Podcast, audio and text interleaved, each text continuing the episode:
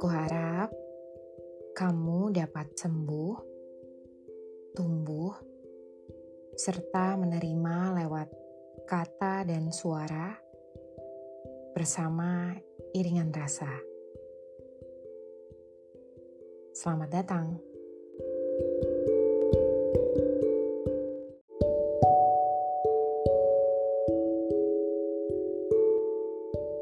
Episode kali ini adalah lanjutan dari cerita kita sebelumnya. Masih tentang memaafkan. Kalau kamu melewatkan episode 7, sebaiknya kamu dengarkan dulu agar cerita kita kali ini lebih terlengkapi. Aku sepakat dengan kutipan forgiveness is a personal journey. Dan menurutku quotes itu sangat akurat Memaafkan itu sifatnya subjektif. Setiap orang punya waktu dan kisahnya sendiri, tergantung dari banyak hal juga, seperti seberapa besar trauma, seberapa dalam luka yang membekas, kesiapan seseorang, keadaan emosional yang bersangkutan, keyakinan, atau nilai-nilai yang dipercayainya. Obrolan kita kali ini tidak dimaksudkan untuk memaksa kamu dalam memaafkan. Aku menghargai prosesmu, dan aku percaya setiap luka harus diurus dengan tenang. Tapi, ada hal yang menurutku harus kamu ketahui mengenai manfaat pemaafan.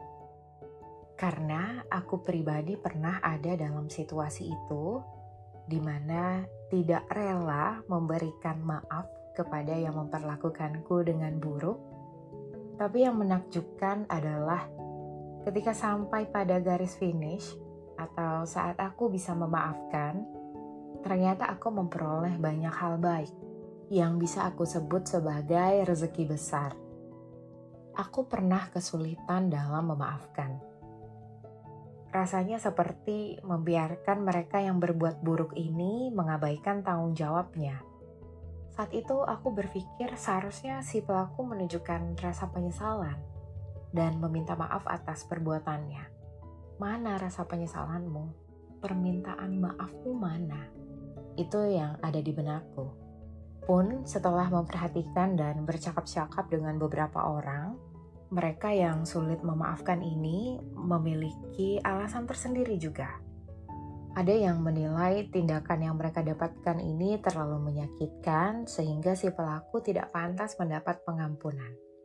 Beberapa lagi merasa tidak ingin melupakan pengalaman pahit, berharap ingatan itu menjadi bahan bakar agar mereka tumbuh menjadi orang yang lebih kuat atau perspektif lain dari karakter Moon Dong Eun dalam drama The Glory yang menolak untuk memaafkan demi melindungi keadilan bagi dirinya sendiri. Maksudnya gimana? Begini, Moon Dong Eun memandang memaafkan malah menjadi tindakan yang meniadakan atau mengurangi hukuman yang seharusnya diterima oleh pelaku karena menurutnya keadilan bisa didapatkan melalui hukuman yang setimpal dengan kesalahan yang dilakukan. Aku setuju bahwa proses memaafkan ini tidak bisa dipaksakan.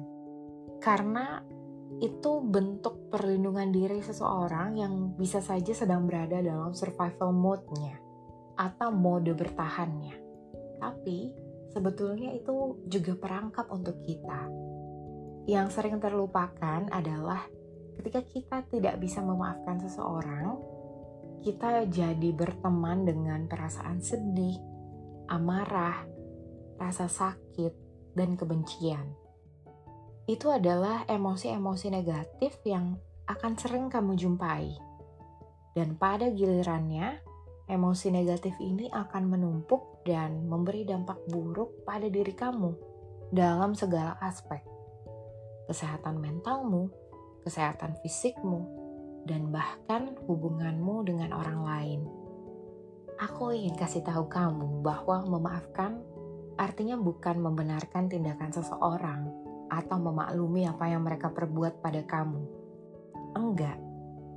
ini semua bukan tentang mereka, tapi tentang kamu, untuk diri kamu sendiri. Ketika mampu memaafkan seseorang, artinya kamu mengikhlaskan sesuatu. Ketika kamu mengikhlaskan sesuatu, artinya kamu siap menerima kebaikan di hidup kamu. Karena hal baik akan secara otomatis dihadirkan ke dalam hidup kamu. Karena kerelaan kamu.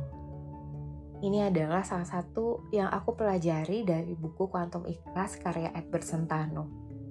Setelah memaafkan, aku merasa lebih tenang, banyak rezeki yang aku dapat dalam berbagai bentuk, material, kesehatan. Tidak ada lagi rasa cemas, khawatir. Orang-orang di sekitarku yang terseleksi dengan sendirinya, dipertemukan dengan orang-orang baik, waktuku tidak lagi habis untuk memikirkan hal buruk. Hal ini disupport juga dengan hukum tarik-menarik atau law of attraction. Kamu adalah apa yang kamu pikirkan. Hidup kamu adalah realitas yang dibentuk dari apa yang menjadi fokus kamu. Kalau kamu terus-menerus memikirkan hal suram, berkutat dengan emosi negatif, itulah yang akan terjadi di hidup kamu lagi-lagi kalau kata buku Kuantum Ikhlas, manusia itu fitrahnya adalah hidup bahagia. Jadi kamu berhak untuk berbahagia. Diri kamu pantas mendapatkan hal baik. Diri kamu pantas mendapatkan hadiah dari apa-apa yang pernah kamu terima sebelumnya. Atas pengalaman pahit, atas perbuatan buruk mereka, dan atas kesabaran kamu. Jadi, Aku ingin menyemangati kamu untuk memaafkan, ikhlaskan, dan relakan.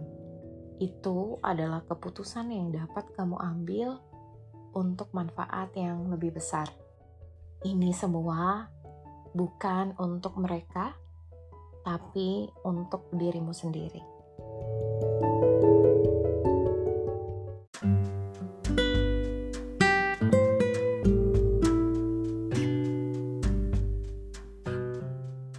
Terima kasih sudah mendengarkan podcast Iringan Rasa.